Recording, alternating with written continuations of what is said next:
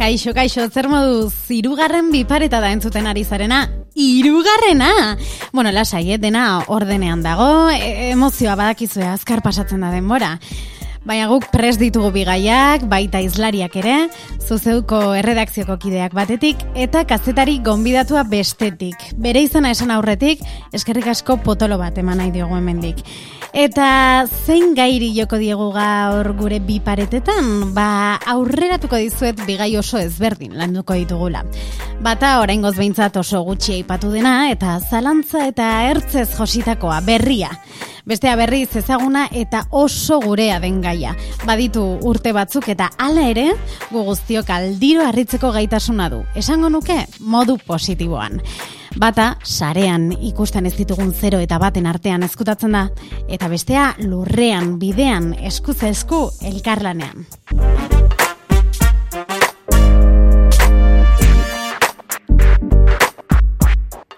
Europako kontseiluak onartu berri duen copyrightaren legea zariko gara eta saiatuko gara mm, ideiak argitzen. Ea zein diren internet ulertzeko dugun modua aldatuko duten neurri horiek. Bigarren paretari, Ainoa Lendinez ETBko kazetariak joko dio.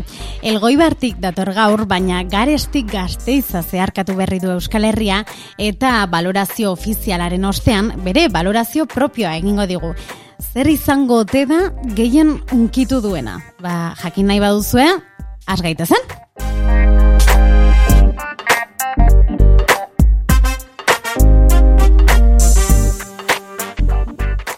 Oier Arantzabal eta Beñat Jatxenbarek, zuzeuko erredakzioko kideak, kongietorri, lehenengo paretara. Eskerrik asko, Arrate. Egunon... Irugarren saiora eta lehenengo pareta da, beti. Hori da, lehenengo pareta beti batetan. Ospatu beharra dago, saio saio ospatuko dugu. Eta nola ospatuko dugu bagai pixutxu batekin, nola, eh? Kontrolatzen ez dugun gai batekin, baina esango nuke inork ez duela kontrolatzen. Tako, tako jarri gabe salto egin dugu, frontoira. Hausartu gea, hausartak izan behar Gai. Bueno, eh, aipatuko dugu, Europako kontseiluak argi berdea mandio, copyright lege polemikoari, ustez egilean eskubiden alde egingo duena, sortzaien alde egingo duena, eta ustez diogu e, izan ere legearen kontra azaldu direnek beste beste ba hori zalantzan jartzen dute. Baina ez dago atzera bueltarik onartu egin dute legea eta e, badirudi internet erabiltzeko dugun modua aldatu egingo dela.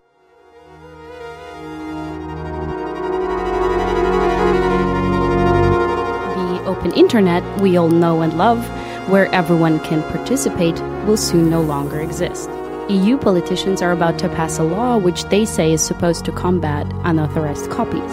In pursuit of that goal, they're about to make a fundamental change that would affect all of us. It all comes down to the main question who is liable for files illegally uploaded on the internet?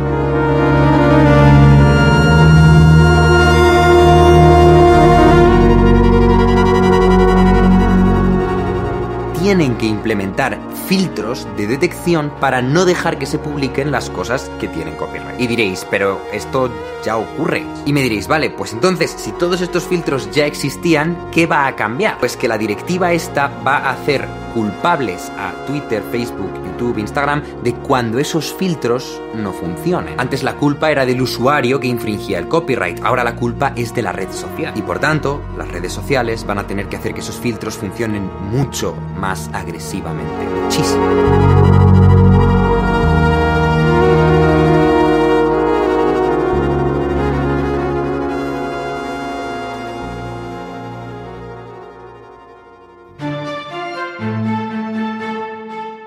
Segidan jarraituko dugu. Zuzeu podcast. Zure hizkuntzan mintzo diren istorioak.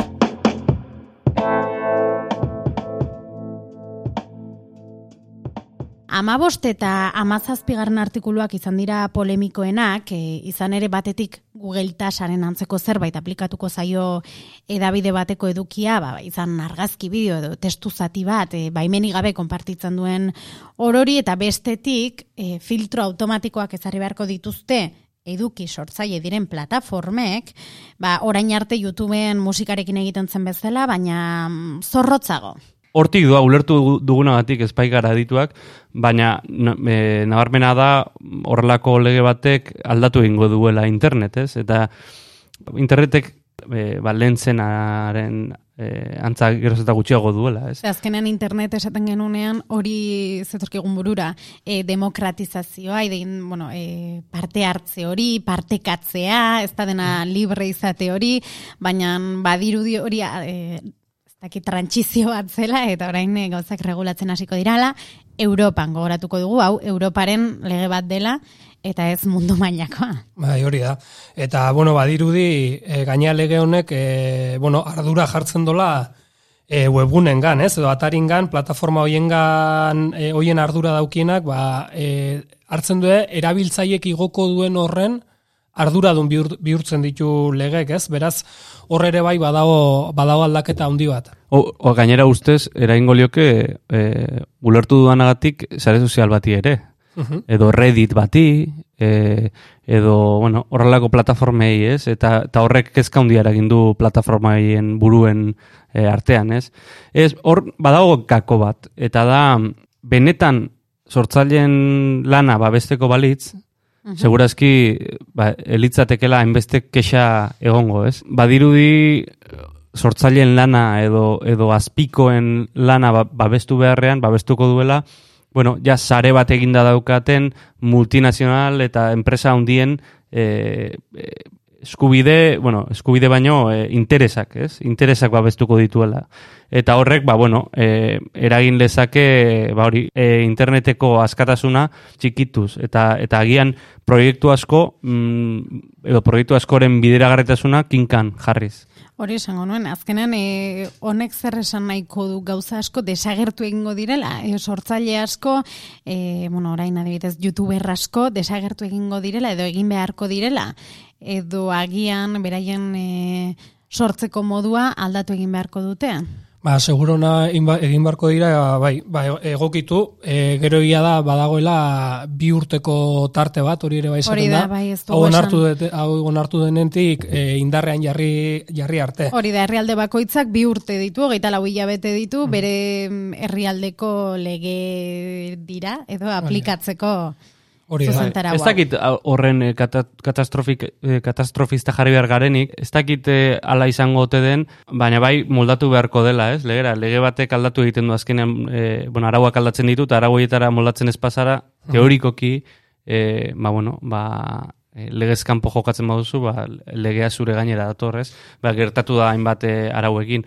Ez dakit ze, nola eragingo duen, zehazki youtuberrengan, ze youtuberrek ere orain ere e, nahiko mm, ertxiki errespetatu behar dituzte e, copyright e, arauak, ez? E, YouTubek nahiko ondo darama hori, bai musikari dagokionean, beti ere kontutan eukita e, errespetatzen diren eskubideak direla multinazionaletan dabiltzan e, artisten eskubideak. E, Noski. luto, lutopeten abesti bat erabiltzen badu norbaitek, segurazki YouTubek ez dio e, esango, galaraziko, filtrorik. e, ez dut, ez dut ez dakit, eh? Baina, eh, baina bueno, ba hori ikusiko dugu nola, nola eragiten duen. Eta, eta nola eragiten digun geuri, gu geuri ere, eh? zuzeuri, edo, bueno, itzengo dugu hortaz ere.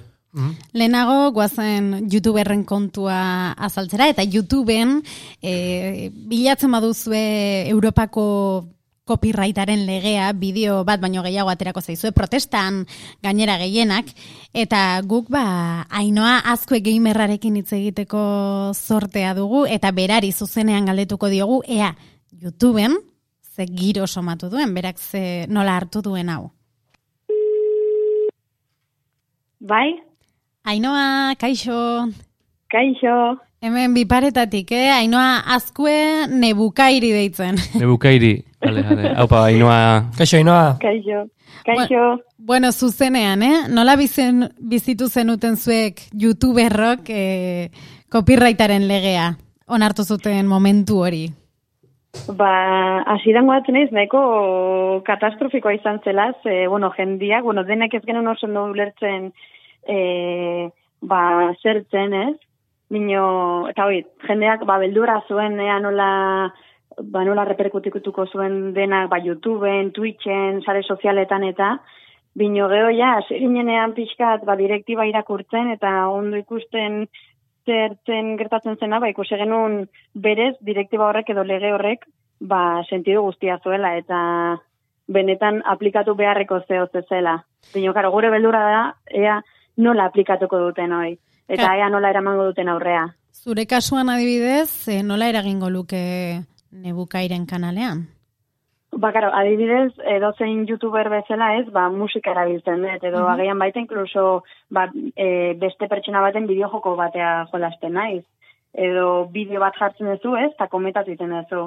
Bai. Orduan, karo, oain arte, berez e, guzti hau baita kapatua zeon, eta zuk ba, jartzen zenena musika, adibidez, inkesten horbaitena, copyrightan babesa zuena, ba, bideoi altzituten kendu eta olako gauzak. Nik karo, hain suposatzen da filtroiek askoz gehiago gogortuko dituztela, eta izango dela filtro automatiko bat pasako dena, e, ba, kreston garbiketa ingo dula. Orduan, ba, karo, beldurra hor dago, ez? Oain arte bezala bideoak igoko ditut, baina igual Normalean, Ba- nor- normalean ze, ze nola egiten duzu eh, abestiak eta aukeratzeko edo erabiltzen dituzun edukiak aukeratzeko? Ba, normalean, bai erabiltzen ditut, e, liburutegia, liburutegia hauek interneten daudena diela copyright libra dakatena, eta Mhm. Bino, karo, momentu batzutan, ba, bai igual, meme famatuak eta nahi dituzu erabili, ba, beti gehiago saltzen dutelako ez, eta karo, olakotan, ba, beti ibili bertzea, ba, ba jarriko dut segunduko e, kanta zati bat, zeola filtroak ez ditarrapatzen, eta olakotan ibiltzen za beti. Mhm. YouTubeen bakarrikan zabiltzala beste kanalen bat ere erabiltzen duzu? Twitch erabiltzen ez baita, eta nik uste horri inkluso pixkat okerro dela, ze karo, zukiten malin badezu, Twitch da plataforma bat, no, Bai. igotzen dituzun direktoak, ez? Zaude hor, igual egite dituzu lau orduko direktoak egunero. Orduan, karo, lau ordu ibili joku batean jolasten, musikakin e, fondo handakazula, pues hor ja gauzak pixka komplikatzen dira, ze karo, lau ordu musika, copyright gabe dakan musikakin pixka pixutxoa egiten da. Karo, Bai. jendeak nahi du entzun, ba, kantan, ka- betiko kantak nahi du entzun, orduan, ba, bai. Ja, eta en, ze jokutara tebiltzea? ba, pixka denetik. Ainoa, Oain, bai, gamerra da. Esan, esan, kontatu, kontatu. ez ba, oain, ba, oi, pixka denetik. Oain dago bat nahiko famatu dela, Apex deitzen dela, eta, ba, bueno, forninitera dibidez, ez baina olako jokuta, bai, Fornitera ez orduan. Oin modan ez horritetza gostatzen. oso ondo. Bueno, Ainoa, ba, eskerrik asko, e, zuri eskerra agian zama kenduko diogu asunto honi, eta jarraituko zaitugu, eh? Ea nola Vale. aplikatzen duzun zuk zure kanalera, lege hau. Oharretan jarriko Bai. dugu gure, eh, zure kanala, eta segurazki e, e, ba, arpidun ikaragarri pila bat batuko zaizkizu. Gure audientzia erraldoiare esker. Besarkada bat. Ainoa, eskerrik asko, Ala, eskerrik asko zuei, agur. Agur. Aipatu dugu YouTube eta gurera etorrita. Nola eragingo du honek, e, ez dakit zuzeu, sustatu, argia, berria eta gainerako edabidetan. Hombre, ba, zalantzai gabe eragina izango du, ez? Hor, e, adibidez, e, edabide bat bere horretan e, izan gabe ere bai, ba, ikusteko dago e, nola eragingo dion Wikipedia, ez da? Hemen e, estekak ere bere barne biltzen ditu lege honek, ze esteka zelotura e, jartzen dien. E, bueno, sustatu momentu honetan e, badakigu ez dela agregatzaile huts bat e, albistena, Baino bai lege honek ere bai barne biltzen dola, ba, nola ekartzen dien e, copyrighta dauzkien e, copyrightakin funtzionatzen duen edabiden albistek zurera, ez? Eta hemen dago arlo bat, e, ba, irakuk aurgo izen ikusi ahal izan du deunakatik, aditu batzuk ez daukiena oso garbita da, esnaipetzena. Hor, e, esnaipetxak da, e, dago, da SEOaren barruko kontu bat, webgunen tripai e, dagokiona, eta badirudi hemen, esnaipetan histo, histori hori bai onartuko dala etorkizun baten, hau da, e, albiste bat e, era, ekartzea zeurera, baina izenburua eta edukiaren desplegapen batera mugatuta. Horrekin, agian bai, ez badago jatorrizko testua e, osorik edo zati, zati handi batean. Orduan, ba, e, albisteak agregatzen dituena bere webgunera, akaso izango du ere etorkizunean esparru bat, e, horretan funtzionatzeko. Argi dagoena da, beno, ba, zu zeuren kasuan eta eta zenbait Euskal Edabideren kasuan, Creative Commons e, lizentziapean lan egiten dugunok e, gure artean ba, jarraituko dugula beti bezala. Bai, eta bueno, eta gero hor dago zuzeuri, bueno, orain arte ez badio eragin e, ezerk, ba, ez dut uste honek eragingo dionik, baina bai, zuzeu badela parte hartzea handia duen eda- edabide bat edo e, plataforma bat, eta hor, ba, bueno, erantzunkizun osoa e, nabarmentzen da edo edo azpimarratzen da erantzunkizun osoa eduki guztiena zuzeu berak eukiko duela, ez? Eta, bueno, ikusiko dugu, baina printzipioz eh, nik uste zehatuko gera bentsatez, eh, lehen bezala lan egiten, edo hobeto, Bai. hobeto, ez? Hori da, hor, bai, nik uste eh, azkenen horrere badao beste nabardura bat, da e, esaten dana e, ez, badire, era- ez badira eramaten e, albiste horiek modu masibo eta sistematikoan. Eta, bueno, ez dut uste guk ez badugu lan hori hartzen, era, e, espero dut ere erabiltzaile bat e, ez, ez jartzea horretan. Bueno, inork, inork irakurtzen ez dituen privatetasun politika horiek aldatu beharko dira, segurazki, legez, baina hortik aurrera espero dugu, ba, bueno, ez eragitea gure lanean. Eta bi urte ditugu gauza berriak asmatzeko, beraz e, parte hartzeak irabazezela.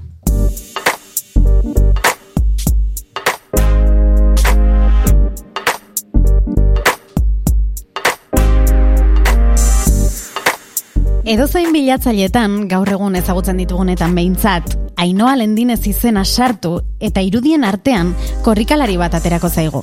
Mendi lasterketetan, zeina errepidetan ibilia, baita podiumetara igotakoa ere.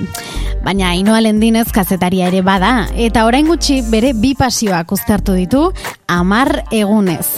Korrikako furgonetan jarraitu du lasterketa, ete berentzat, Ainoa lendinez, ongietorri. Eskerrik asko. Zer nekatuta edo nola zaude? Pixka bai, erresaka emozionalakin. Resaka emozionalarekin, eh? Oain kontatuko diguzu, Anar Silva hau ere hemen zaude ongietorri, eh? Bai, bardin. Eskerrik asko, ongietorri emateagatik. Arnazestuka gabiltza oraindik. bueno, korrikak e- egin du bere valorazioa, korrika hogeita bat garrana, 2008ko korrikak, e, hainoa zuk e, zurea ere egin duzu edo hori ekarri diguzu gaurkoan.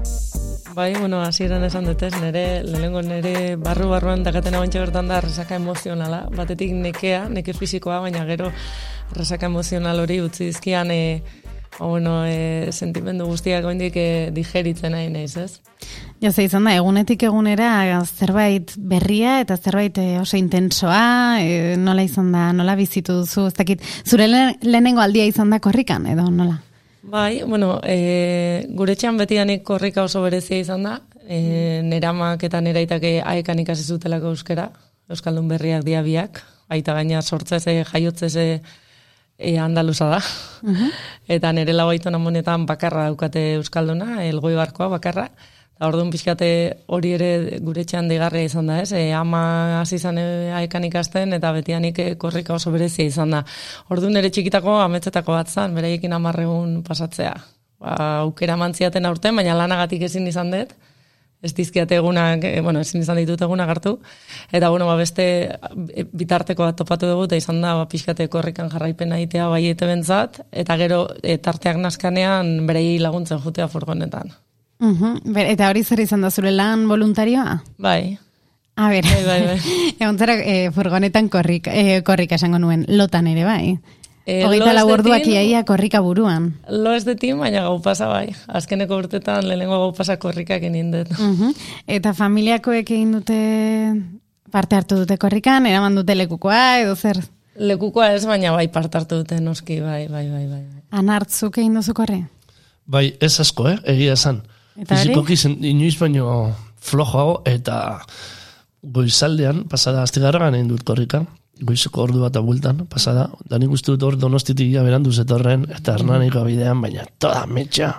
Berandu, ez, eh? ni pasaitarra naiz, pasaian egin genuen donostitik jarraian etorri zen pasaiara, eta nahiko puntual, Ah. eta gainera oso azkar joan zen. Beraz, pasaian egin zan hor eh, onila, ze gurera heldu zan, ba, itximu- Berandu, itximuztuan iritsi- pasa zan, ah. eta oso bizkor, bizkor egia zan, eh, umentzako eta ritmo hura, jo, ez dakit jende oso trebatuta dagoen, edo aurten, gaina aurten dena desastre atera zain niri. Oso horreimen e, oroitzapen ikaragarriak ditut korrikarekin, baina aurtengoa segurazki izan da guztietan Ah, bai, eskasena, bai, mindu, belaunean minduta, bikotea sasarretu, umeak erdi galdu. Bueno, korrika, badakizu, batzuk arrazoiarekin funtzionatzen dute, eta beste batzuk pasionalagoak gara, eta, bueno, pixka bat astu egiten gara munduaz, korrika datorrenean, ez, zirrara horrekin, eta bai, nahiko kaotiko izan zen, aurtengoa, eh? baina, baina baditut, eh, esperientzia politagoak ere baditut, gero igual aipatuko ditu.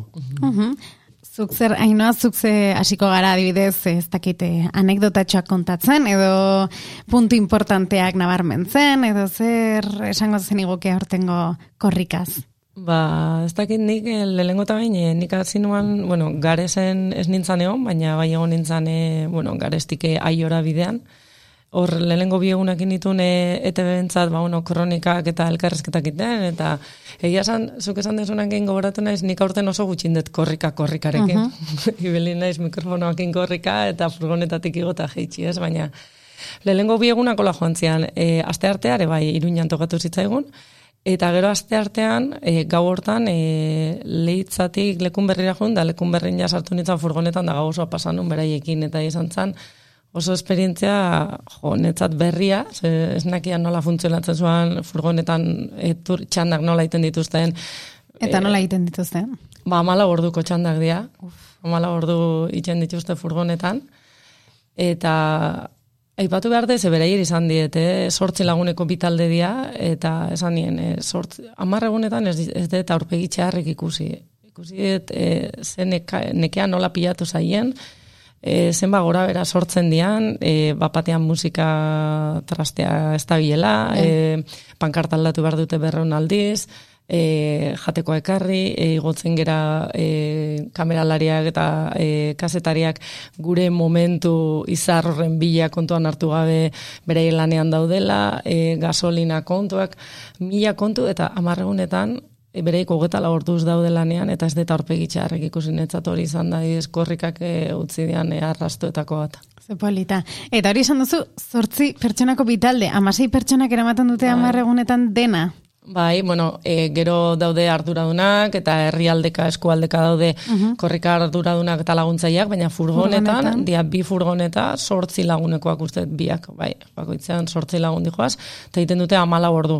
Orduan, arratzareko e, zeiretan uste azizala korrika garezen, ba orduan, azten da talde bat, amala orduin, eta hurrengoa sartzen da. Eta egun egun juten da, atzeratzen atzeratzen ordua eta tokatzen zaie ba goizeko iruretan sartzea edo lauretan sartzea, bukatzea arratzaleko lauretan edo arratzaleko zazpietan edo goizeko zazpiretan. Eta beraz tumore ona nagusi. Bai, nik hori nabarmendu nahi nuke, ez? Esan duzu e, nekea pilatu eta umore ona. Nik uste dut, e, korrikak zirrara eragiten duela eta horregaitik dala pizkat baita arnaz ez zelako eta ez hortzak ez dututa, ez da, euskal gintzan batzutan, gure gabezia guztiekin eta hortzak ez dututa, azkenean hori bai dala neke bat, baina jo, ez dakit horrek asko erretzen zaitu. Eta kaso honetan uste dudala gauza oso bai korre oso positiboa, eta euskararekin harremana daukan orok, izan zeharkakoa, ikasten hasi delako, zemela bat akitelako naiz eta norberak ez, denok bizi dugu nahiko modu antzekoan, ez da, ez da, bertzora, txapelketa nagusia da, eta igual flipatuko dugu euskaraz ez dakienak ze zutzu mhm. hartzen duten batzuk, baina ez da gai, ez, ora, korrikak bai nik uste dut euskararekin harreman interes, babestu, naiz eta euskalduna ez izan, ez dakit nola esan, ez dakit, korrik ikusi dugu gendea, gorpiletako aulkian, laro eta mazio urteko amonak, e, dantzan luzeiden, korrek ikusitu gertzainak, pepekoak hartzen dute lekukoa, gero egia da hor barruan egon daitezke leporatuko diezu, badakizu, baina,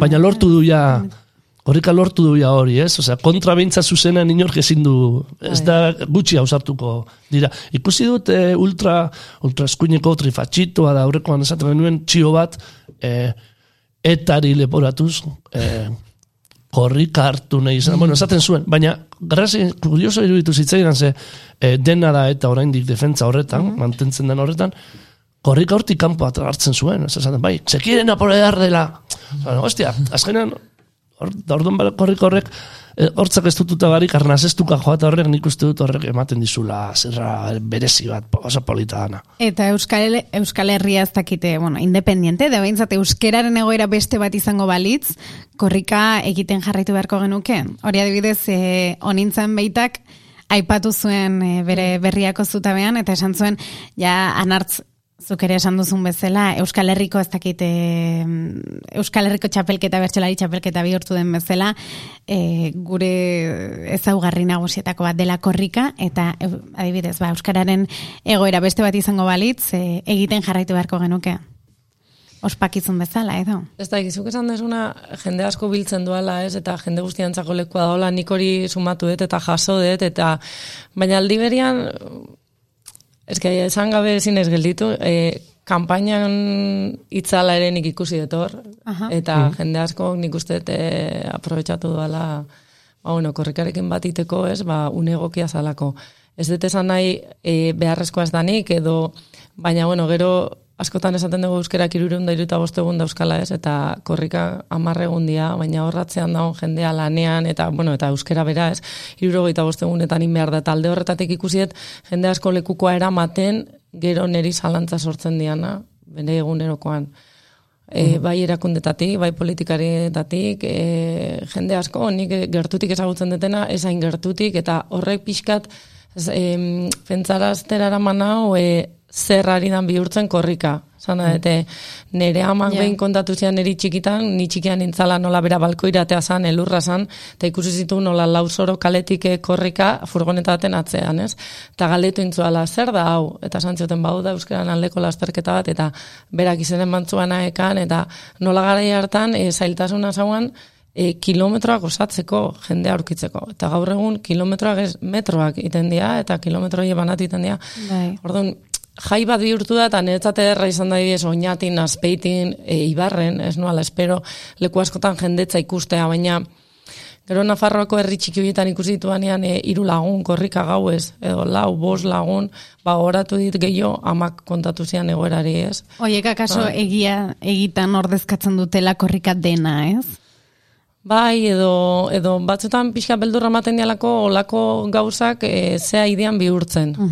Bai, Ez, eta- kontuz, nik esan du lehen zirraena, baina bat adoz nago, e, iraganera joan da, eta pixkat e, kanpotik gainera, eh? nik ez nuen oso barrutik bizi izan, baina bai badaukat rekuerdoa, ez dakit, oker espana oro laro igarren amarkada ziren sortu zen korrika, eta ez dakit laro eta margarren amarkadarako ja, baina nire goratzen ez gure herrian eta ere, e, e, udal jeltzale batzuetatik, adibidez, e, lehengo urte batzuetan eta, osea, kilometroak erostarena, babesa matarena, errepideak, ez zegoen oso ondo ikusita, eta zen egon, osea, nek, e, zailtasunak ere oztopoak egon ziren, eh? Gaur egun da, bihurtu da korrikaia lortu du, ezta? E, lehen esaten genuen kontu hori, da, jendea pilatu edo elkartzearena. Egon ziren urte batzuk gogorragoan, nun leporatzen zitzaion gainera, e, bari ez, e, alderdi bateko izate bakarrik, eta e, kontra ere kontra ere eduki zuen ez dakit gizartaren, baina bai e, boterearen aldetik behintzat alde bat, ez? Beste alde ez bakarrik korrikarekin, ez? E, gauza askorekin gertatzen dana, ez? Herritik edo ez dakit nola esan, bizkat kaletik sortzen diren gauza Bai. boterea kontrolatzen ez baditu, e, desorosotasunak edo sortzen ditu, jende bat urduri jartzen da. Eta hori korrikak bizi izan du, eh? Osa ez da dana izan hain orain oso politiko izten dan kontu hau. Hori da. Da, zuk diosuna nik ulertzen dut, aber benetan gero, ezta? Horrek zerbaitetarako balio duen. Nik ez dakit ze puntu arte, herria gorpuzten duela nolabait, zen daiteke, ka, ikusitagu, ez bakarrik hizkuntza, ez, administratiboki ere zebanak eta daukagun, nik beti bizi izan dut leharti bain nire eskualdean, e, ez dakit nola esan, festa, estanda, masibo bat bezala, ba, gero, ja, denoi hiltzatuta gelditu zaigu txio famatu ura bihurtu zen, ez da, korrikak iraun bitartean. Zoro toki zoragarri horiek, bai. Zuk esaten zenuen, Nafarroan jente gutxiago, ez da, horren nolabait ez dakit ez duen herria gorpuztu edo batasun nolabaiteko simboliko bat ematen. Klika, klika, klika! Muchísimas Tipitapa, tipitapa, tipitapa.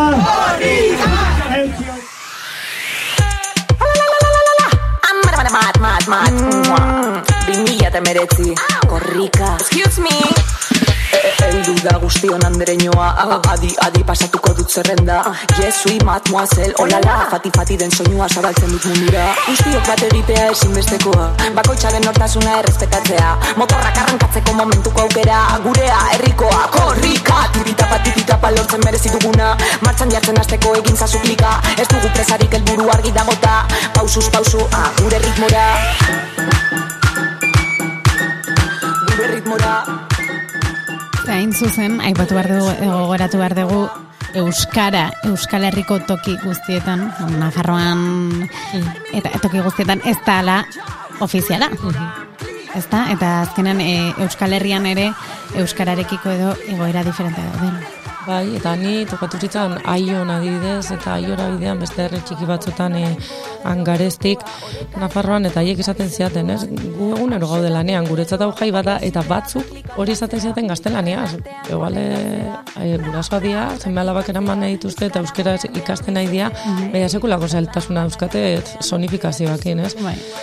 Ez dakit, gero, iparraleko beste anekdota bat, nire lagun batzuk kilometro bat erositu zuten nahi betzu, e, zuberoan laguntzagatik. Eta gero nik lagun badakat, baionarra, eta berak esaten zean, beti egualdean zaudete, iparralea lagundu nahian, utzi guri gure bidea egiten. Gu laukatu baldin bagera zuberoan lau izango, gara, ez daukagu zuen beharrik, zuek gu salbatzea etortzeko, ez?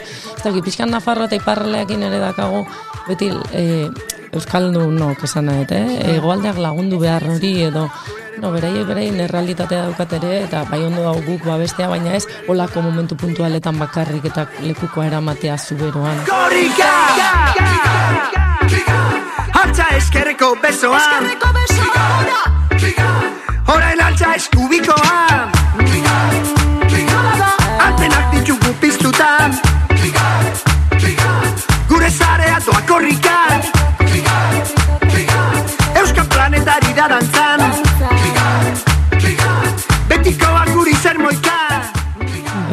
El zuberoa ere hor dago irurogen da iruta egunetan, ez? Ez bakarrik korrika pasatzen danean hortik, ez aiotik ere. Eta bere igor izaten zidaten, aio nahi bidez, emakumea goratzen dut, umeakin. Ba, gumen bizigea gure aratzoa dazkagu, baina zu edazkazuen bezala beste batzuk, ez? Gipuzkoan. Eta gizpizkate korrikak hori ere badaka, eta bueno, gero maialenen ere testua irakurtzen ere, eta bere elkarrezketak entzuten ere naiz eta era bat iten dut bat, ez? E, ba oso ondo dago, bai, e, bat itea, ez? Ba, Bilbo oso ederra dalako, Bilbon lekuko aramatea, moioa inguruan eta, baina... Nola esaten zen korrikan babesten gaituzue, baina gero...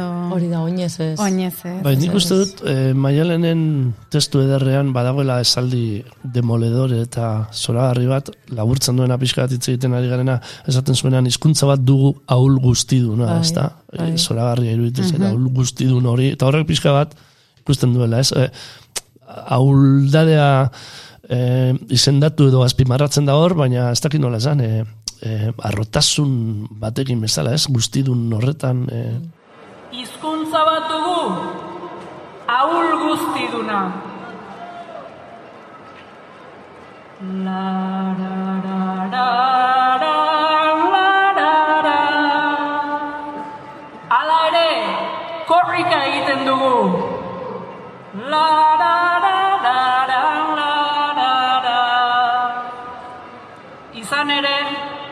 erakundeek, alderdi politikoek, komunikabideek, hainbeste maite gaituzte korrika gabiltzala. La, ra, ra, ra, la, ra, ra. Zergatik gutxietxiko ote gaituzte hainbestetan oinez gabiltzanean. ez dakit horrek uste dut laburbiltzen duena nahiko polita bizi dugun egoera eta korrikak ematen diguna edo Bai, bai, bai, bai, nik maialenena gainera, e, ematen duen e, ja jakin da gero ez esatea, baina nik amari izan nion, ez dakitzatik susmoak eta orten maialen, maialen Bai, doala eh? lekuko barruan bai, eta gero aukorrikako ardura unakin egon itzan gazte izen da, eta esan nion, eta sekulako ilusia intzian e, jakin noanean, e, bea, bea izala testua irakurtzen ez, Ta, Ondo, bai, e, bai, egia da, eta, bueno, bere e, hitz egiteko modagatik, bere idazteko modagatik, eta batez ere kritika bideratzeko haukan modagatik, asko gustatzen zait, bai, bai.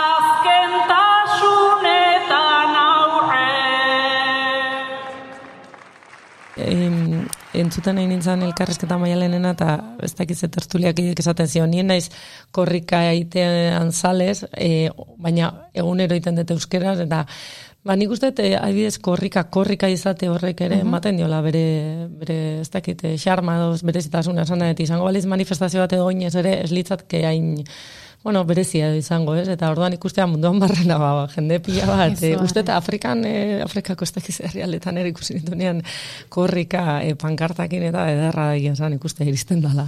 Bai, pizkat harrigarria da, ez da. E, beti gabiltza hor, gure auldadeak, ez, komunidade txiki Bai. osatzen dugun, baina ze edatuta ez da munduko da zein bazterretan aurkitzen duzu bateren bat. Ta nik uste dut susmoa dut kanpoan zaudenean betxiko kontu eta beti ez ematen dizute beste Bai. zirrara beti elkartzen zara ja, igual hemen alboko herrikoarekin badeukazu lan ezin ikusia, baina kanpoan ah, susmoa dut kanpoan ere korrikako kontu batek azkenen badala hor lotura bat txearekin eta segurazki eh, Euskaldun izan garik ere Euskal Herritar oro kanpoan dagoen eta ba, ba, du. ikaragarria egingo diola, ez da Nueva Yorken edo, edo Australian da denari ba, horra batzea, ez da. Korrikako antolatzaileek e, hogeita bigarren korrikarako aurrera pauso esanguratsuak nahi dituzte Euskararen ezagueraren unibertsalizazioan.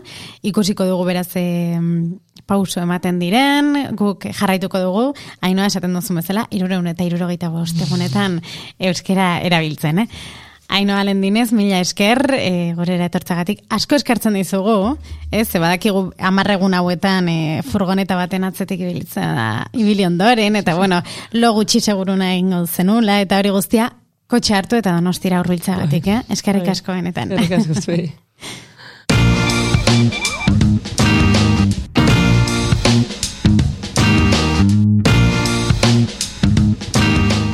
Egingo te genuen tanto. Bueno, guk behintzat jodiegu bi paretei, eh?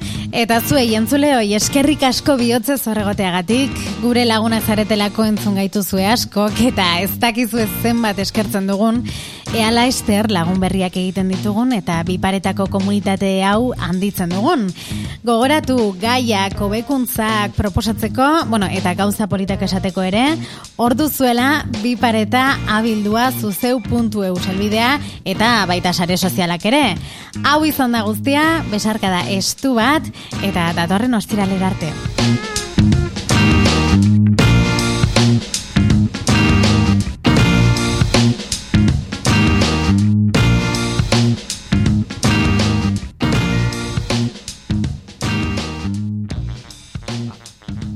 Edozein audio plataformatan entzun dezakezu ez zuzeuko bi pareta. Spotify, Apple Podcast, iVoox, Pocket Cast eta esan ez ditudan guztietan. Bateren batean ez pagaude, idatzi podcastabildua zuzeu.eu selbidera, hori da podcastabildua zuzeu.eus. Eta bere ala igoko dugu gure edukia bertara ere.